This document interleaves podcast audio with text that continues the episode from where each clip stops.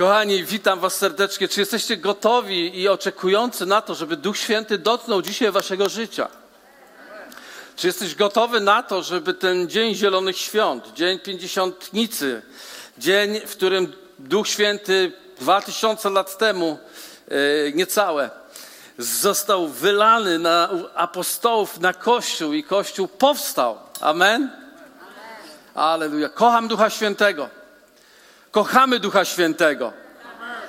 Wiecie, kiedy, kiedy, kiedy mówimy o Duchu Świętym, nie mówimy o kimś, który gdzieś jest tam i teraz musi przyjść tu. Mówimy o kimś, kto jest tu, a musi wyjść na zewnątrz. Amen? Więc kiedy mówię o Duchu Świętym, to jestem przekonany, że tak mu dałeś przestrzeń w sobie, że kiedy o nim mówię, to on może ciebie używać. Żebyś amenował, żebyś tańczył, żebyś koszulą machał na wiwat Jezusowi. Znaczy nie ściągajcie żadnych koszul tu na tym miejscu, ale On jest dobry, amen? On jest na tym miejscu i działa, aleluja. Kochani, tak jak troszeczkę mówiliśmy o tym przez ostatni czas, przynajmniej ja o tym mówiłem, że łatwiej jest nieraz otrzymać wizję niż ją utrzymać. I bardzo też łatwo popełnić błędy, próbując realizować wizję. Dlatego niezbędne jest nam prowadzenie y, Ducha Świętego. I tu jest bardzo podobna rzecz, słuchajcie, że dużo łatwiej jest przyjąć Ducha Świętego, niż pozwolić mu działać w nas.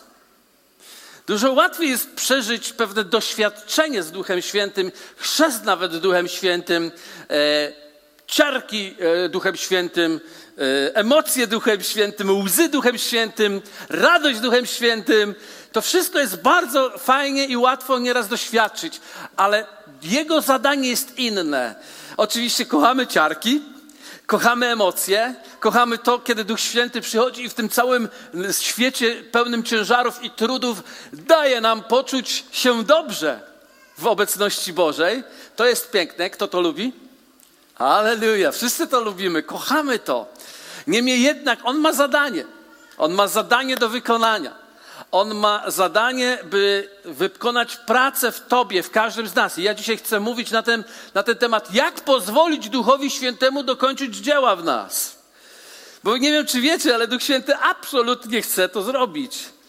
Nie ma najmniejszej wątpliwości. Tak naprawdę nie musimy o to nawet za bardzo zabiegać, czy wołać, Duchu Święty, zrób coś z tym, bo to najczęściej robimy.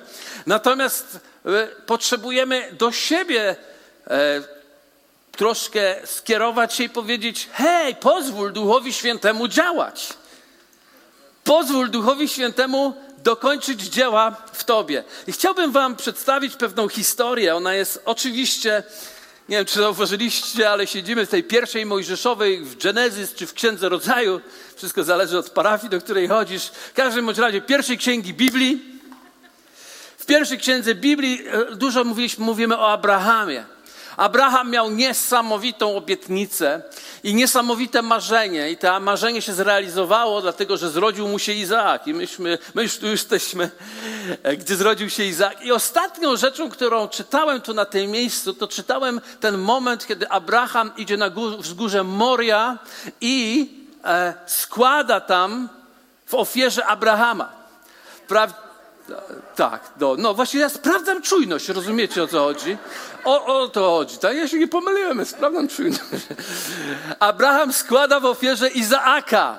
Oczywiście Bóg mówi, nie miał zamiaru, żeby złożyć, ale oczekiwał jego serca. I co się ciekawe dzieje, nie wiem, czy zwróciliście uwagę, ale dokładnie to wzgórze, na którym on składał Izaaka, to jest najprawdopodobniej to samo wzgórze, na którym Jezus oddał swoje życie za ciebie i za mnie dla którym Ojciec Niebieski złożył swojego Syna w ofierze, nie mówiąc stop, tylko mówiąc dokończmy dzieła i dokończył dzieła raz na zawsze, zmywając grzechy nas wszystkich i jesteśmy dzisiaj dziećmi Bożymi ze względu na to, że Jezus się nie cofnął, ale złożył swoje życie w ofierze za Ciebie i za mnie.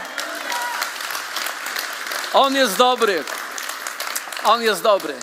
I nie wiem, czy zauważyliście, ale po, zaraz po złożeniu Izaaka w ofierze, w tym proroczym obrazie ofiary Jezusa Chrystusa, bo nie wiem, czy widzicie to, że ten Stary Testament jest takim cieniem, tego, takim zapowiedzią, proroczym znakiem tego, co się dokona w Nowym Przymierzu i dlatego tak wiele możemy się z tego uczyć dzisiaj pod natchnieniem Ducha Świętego i w objawieniu Ducha Świętego, którego nam dał Bóg. I później jest taka historia, kiedy Izaak już dorósł i był gotowy do żeniaczki. Do żeniaczki. Kto jest gotowy do żeniaczki? A jeszcze nie ma jej? Nie ma nikogo. Aha, no bo Duch Święty nie może działać teraz. Bo Duch Święty prosi o zgodę. Jeśli chcesz żonę, no to musisz podnieść rękę. Jeśli chcesz męża, musisz podnieść rękę. I wtedy on widzi kto. A tak to się nie zgłaszamy, potem narzekamy. No ale dobra. Nie moja to sprawa, wasza. Dobrze, przejdźmy dalej. Więc Izaak podniósł rękę, mówi: Potrzebuję. Potrzebuję. Przychodzi taki moment w życiu człowieka, że potrzebuje. I, I Abraham zaprasza sługę. Zaprasza sługę sw swojego i mówi: Poślę ciebie do ziemi, z której wyszedł, ja wyszedłem, abyś znalazł dla mojego syna małżonkę. Abyś znalazł mojego, dla mojego syna małżonkę. To jest bardzo ważna rzecz. Ona nie może być z Kanaanu. Ona musi być z tamtych, z mojej rodziny, z mojego domu, z mojego kraju. Poślę ciebie tam, abyś ty po prostu znalazł ją, przygotował ją i przyprowadził ją, abyś na, zawsze była z moim synem Izaakiem. Ilu z was widzi tutaj ten odniesienie, w którym Abraham jest ojcem, a Izaak jest synem? Mamy ojca, syna i sługę świętego. W imię Ojca i Syna i Ducha. Sługę świętego. Przypomniało mi się coś, ale nie wiem, czy to tu opowiedzę. Nie, tu nie opowiem. To w kuluarach. Więc w imię Ojca i Syna i Ducha Świętego. Abraham jest tutaj, jest, reprezentuje Ojca, który złożył wcześniej, oddał Syna w ofierze. Tak? Bóg oddał Syna w ofierze. A teraz posyła sługę, tak? I czytamy w dzień pięćdziesiątych e, urodzin, chciałem powiedzieć, pięćdziesiątnicy, wysyła Ducha Bożego, aby znalazł, przyozdobił i poprowadził do Syna swego małżonkę, którą jest ciało Chrystusa. Amen? I to historia do mnie przemawia. I kiedy ten sługa to nie poszedł sam, poszedł z sługami innymi również, ale poszedł i wziął ze sobą dziesięć wielbłądów. Dziesięć wielbłądów wziął ze sobą. I chciałbym ten kawałek, taki może troszkę szerszy, ale przeczytać wam tutaj. Potem to jest pierwsza Mojżeszowa 24, 10, 21. Potem wziął sługa dziesięć wielbłądów pana swego i poszedł. A mając wszelkie kosztowności pana swego w ręku, wstał i udał się do Aram Nachraim, do miasta Nachora. I zostawił wielbłądy na spoczynek poza miastem przy studni pod wieczór, gdy zwykle kobiety wychodziły czerpać wodę i rzekł: Panie Boże, Pana mojego Abrahama, poszczęść mi dzisiaj. I okaż łaskę panu mojemu Abrahamowi. Oto ja stoję u źródła wody, a córki mieszkańców tego miasta wychodzą, aby czerpać wodę.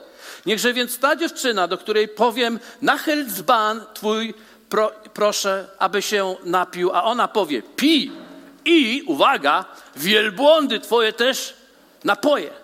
Będzie tą, którą przeznaczyłeś dla sługi swego, dla Izaaka, a ja potem poznam, że okazałeś łaskę mojemu Panu że okazałeś łaskę.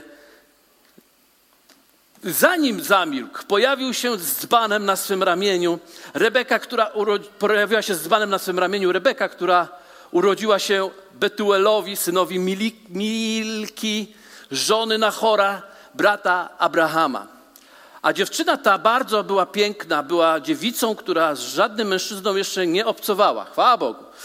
Zaszła ona do źródła, napełniła swój dzban i wychodziła.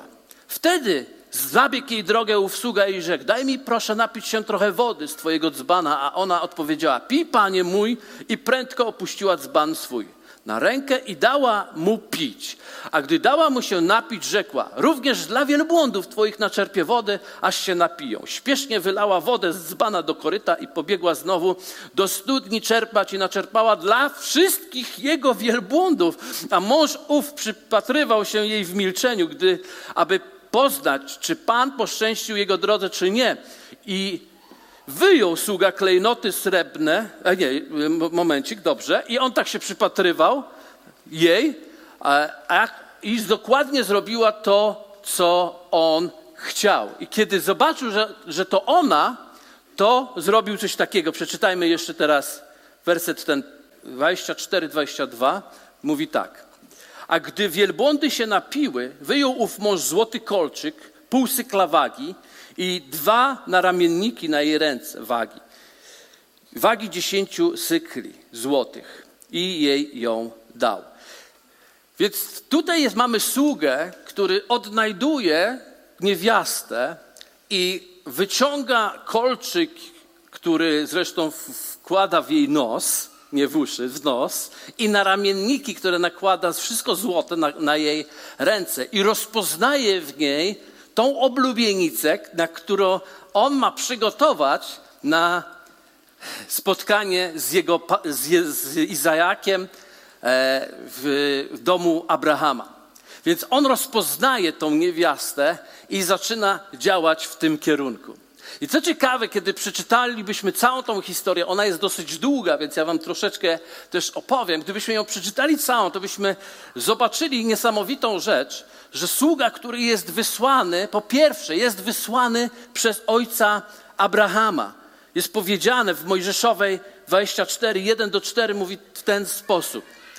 A Abraham zestarzał się i posunął się w latach. Pan zaś błogosławił Abrahamowi we wszystkim i rzekł Abraham do sługi swego najstarszego w domu, który zarządzał całym mieniem jego. Połóż proszę rękę swoją pod biodro moje, abym zaprzysiągł Ciebie na Pana Boga, nieba, Boga ziemi, że nie weźmiesz żony dla syna e, mojego spośród córek Kananejczyków, spośród których mieszkam, lecz pójdziesz do ojczyzny mojej i do rodziny mojej i weźmiesz żonę dla syna mojego Izaaka.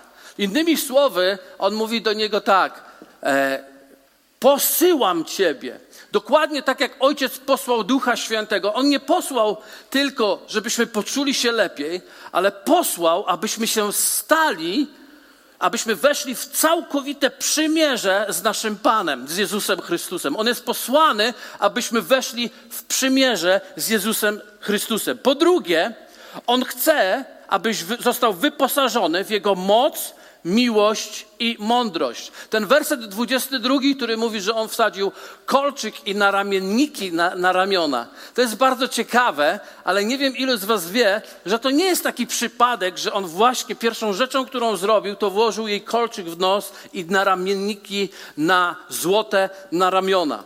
Ja poszukałem troszkę i pogrzebałem i okazało się, słuchajcie, że w starożytności kolczyk w nosie był oznaką odwagi i sygnałem dla wroga, że posiadacz takiej ozdoby niczego się nie boi. Ho!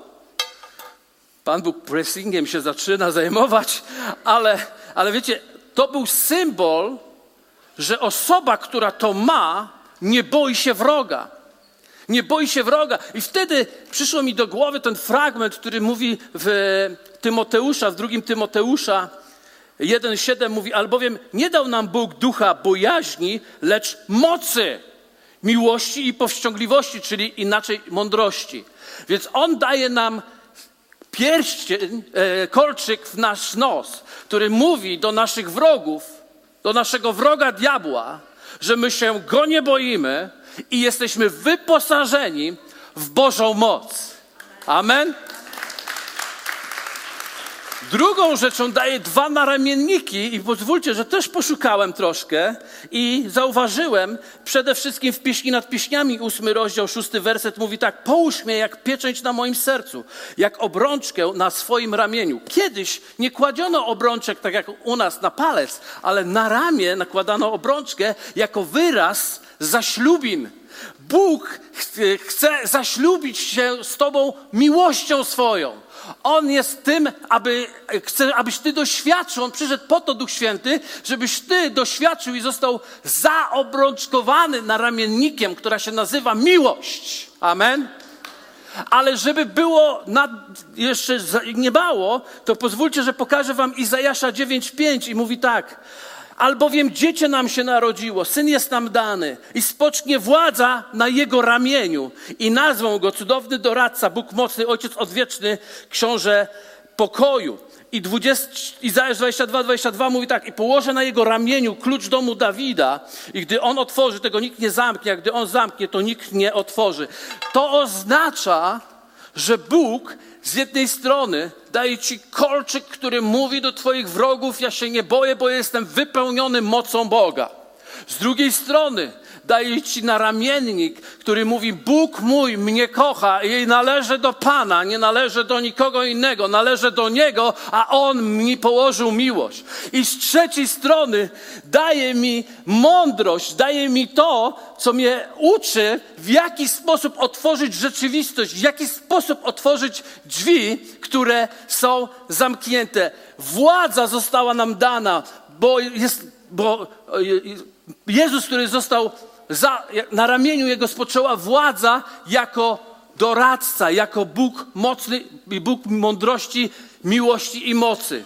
Więc niesamowite rzeczy, ale wiecie, ja w tym widzę absolutnie, że kiedy Duch Święty przychodzi do ciebie, po pierwsze daje ci moc, po drugie daje ci miłość i po trzecie daje ci mądrość.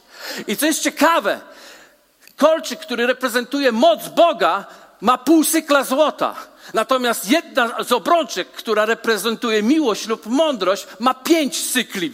Innymi słowy, rozumiem to w ten sposób, że moc jest wartością, która przyszła z nieba.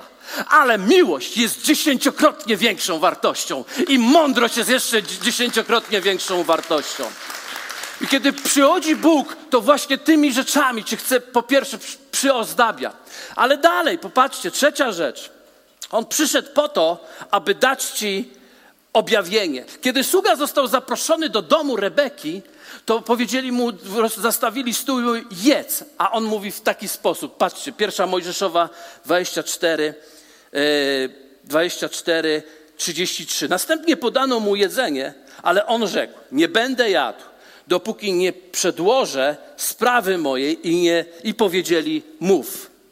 Czyli Duch Święty, pierwszą rzeczą, którą chce przyjść do ciebie, to chce ci dać objawienie.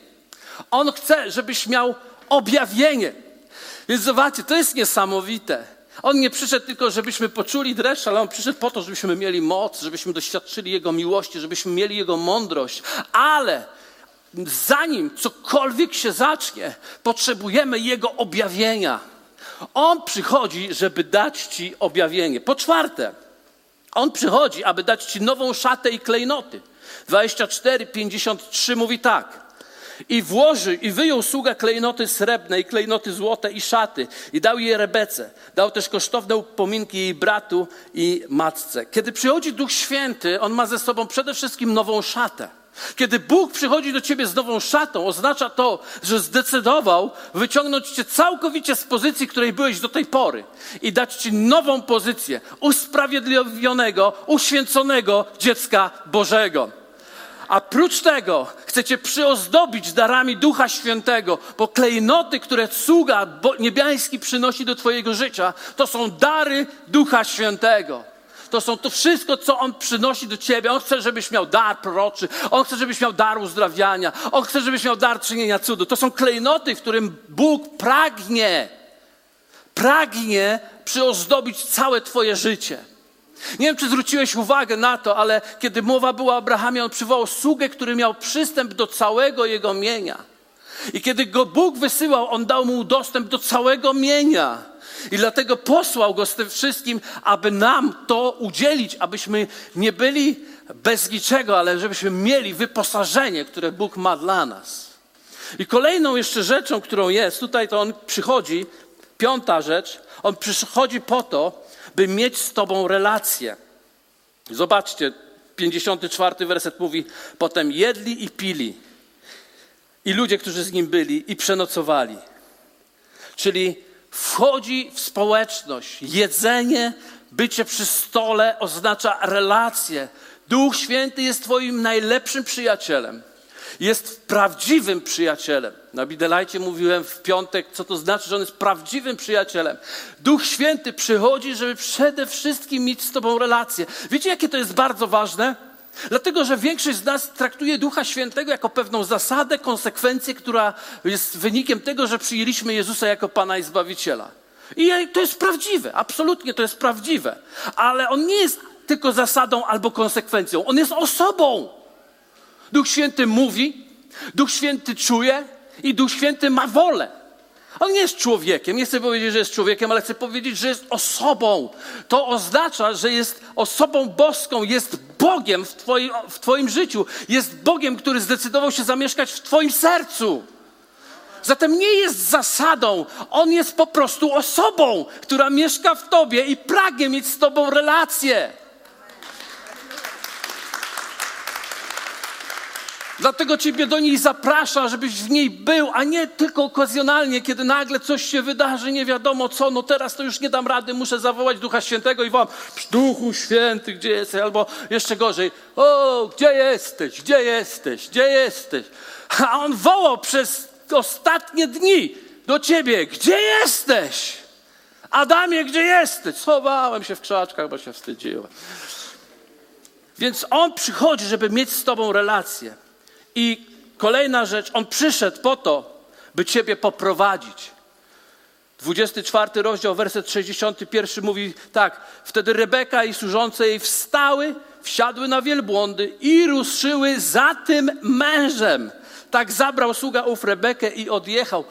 Co Duch Święty chce ci zrobić? Chce ciebie poprowadzić. Wiecie, gdzie on je poprowadził?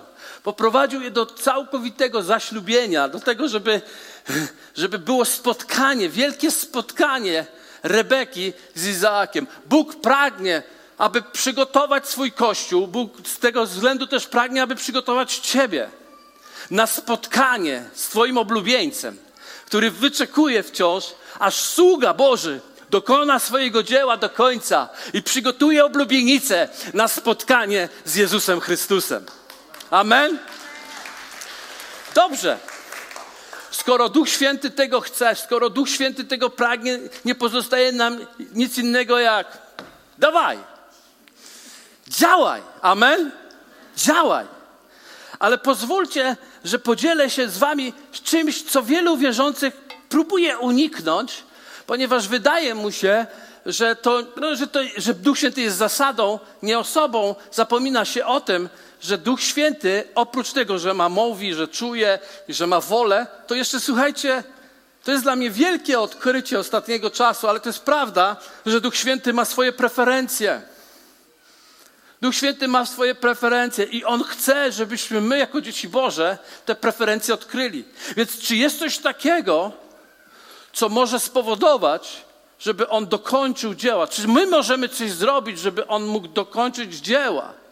Się zastanawiałem nad tym i zrozumiałem, że nie jestem komputerem, który ma wgrany program Duch Święty. Jestem osobą, w której mieszka osoba, która to szanuje moją osobę i chce, żebym ja uczcił Jego osobę i pozwolił Mu Jego osobie działać w mojej osobie i zmienić moją osobę. Amen. Tak to działa. Dokładnie tak to działa. Dlatego jest kwestia szacunku, jest kwestia porozumienia, jest kwestia przepływu, jest kwestia zrozumienia, jest kwestia zaproszenia. I kiedy czytałem tę historię, Duch Święty do mnie powiedział kilka rzeczy. Pierwsza z nich. Jesteście gotowi? Bądź sługą. Bądź sługą. Nie wiem, czy zauważyliście, ale kiedy ten sługa przyszedł do studni, mówi tak. Ta osoba, którą poproszę, żeby mnie napoiła, a ona powie, proszę bardzo, pij. A następnie powie jeszcze, ale wiesz co, ja jeszcze napoję twoje wielbłądy. Wiecie, jaki to jest szalony po prostu pomysł?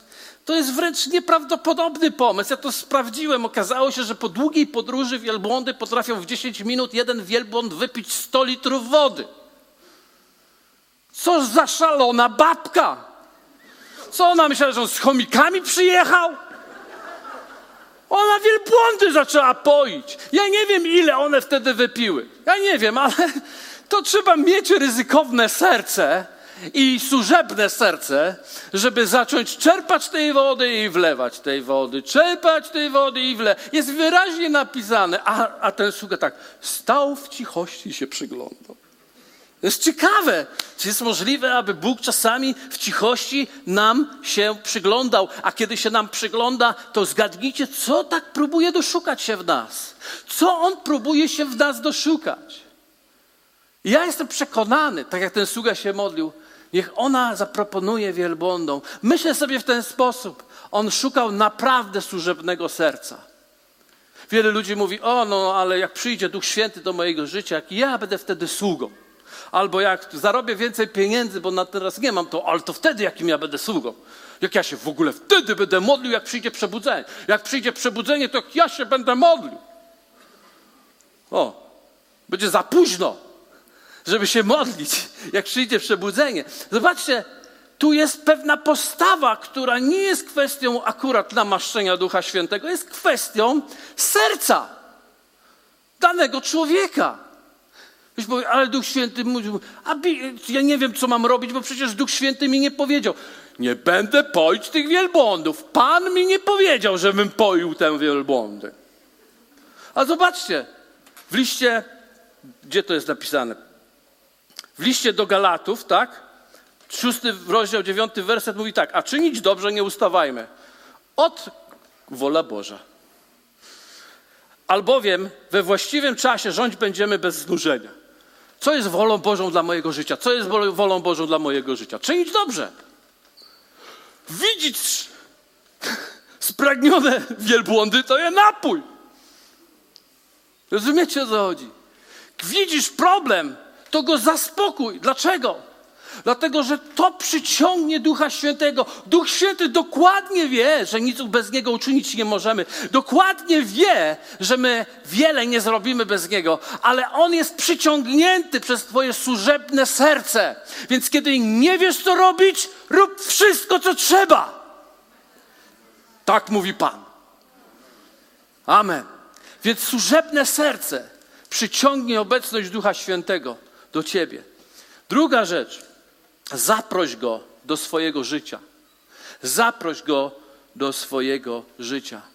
Kiedy Rebeka mu powiedziała, że może przyjść, bo mają jedzenie i tak dalej, na ich spotkanie wyszedł Laban, jej brat, wyszła matka i rzekli do tego sługi. Pierwsza Mojżeszowa 24, 31, 32 i rzekł, wejdź błogosławiony Pana, Czemu stoisz na dworze? Wszak ja wysprzątałem dom i jest miejsce dla wielbłądów.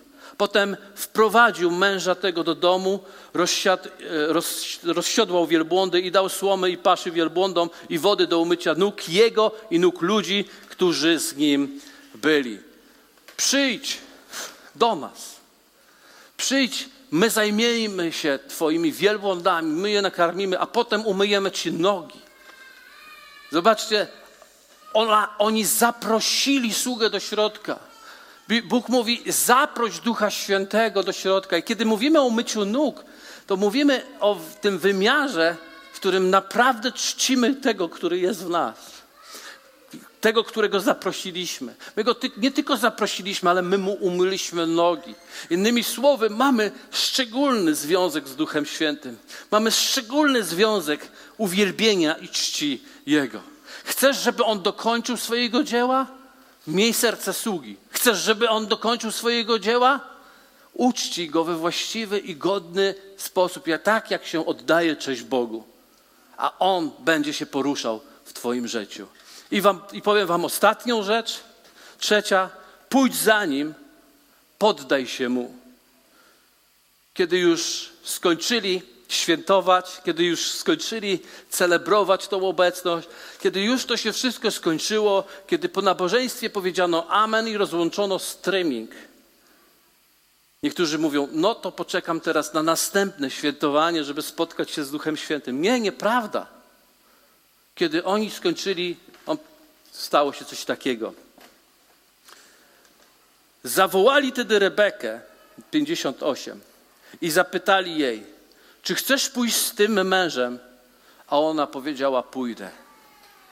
po czym się zabrała, spakowała i ruszyła.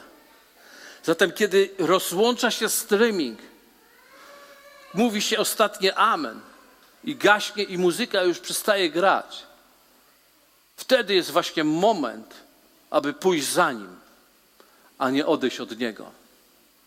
Chcesz, żeby Duch Święty dokończył swojego dzieła? Nie miej tylko, tylko tak zwanego niedzielnego chrześcijaństwa. W Twoim chrześcijaństwie musisz znaleźć więcej. Więcej niż niedzielne nabożeństwo. Więcej nawet niż grupa jakaś. Więcej nawet niż jakaś poszczególna modlitwa. On Ciebie zaprasza do tego, żebyś za nim poszedł i był mu poddany, i był mu posłuszny. Zaproś go do swojego życia. Miej serce służby. Rób wszystko, co trzeba i zapraszaj go do całego swojego życia.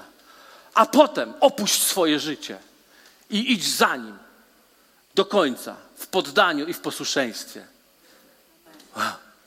Dla mnie też jest ciekawą rzeczą i dopowiem tu, ponieważ często nie ma równowagi i zrozumienia. Ten sługa, zanim, poprosił, zanim zapytali Rebekę, zapytał Labana, matkę i, i braci wszystkich, którzy byli. To oni w rzeczywistości zdecydowali, żeby ją puścić za sługą. To nie Rebeka przyszła i powiedziała: Pan mi powiedział i idę. To dom, w którym ona mieszkała, wypchnął ją, a ona zdecydowała się, że pójdzie. To jest bardzo ważne, bo o tym się bardzo często zapomina. Ale chcesz być posłuszny. Chcesz, żeby on zrobił swoje dzieło. Bądź posłuszny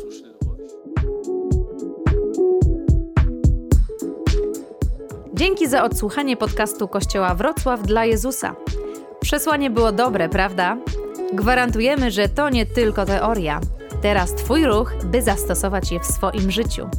Jeśli chcesz dowiedzieć się o nas więcej, odwiedź stronę wdj.pl. Do usłyszenia!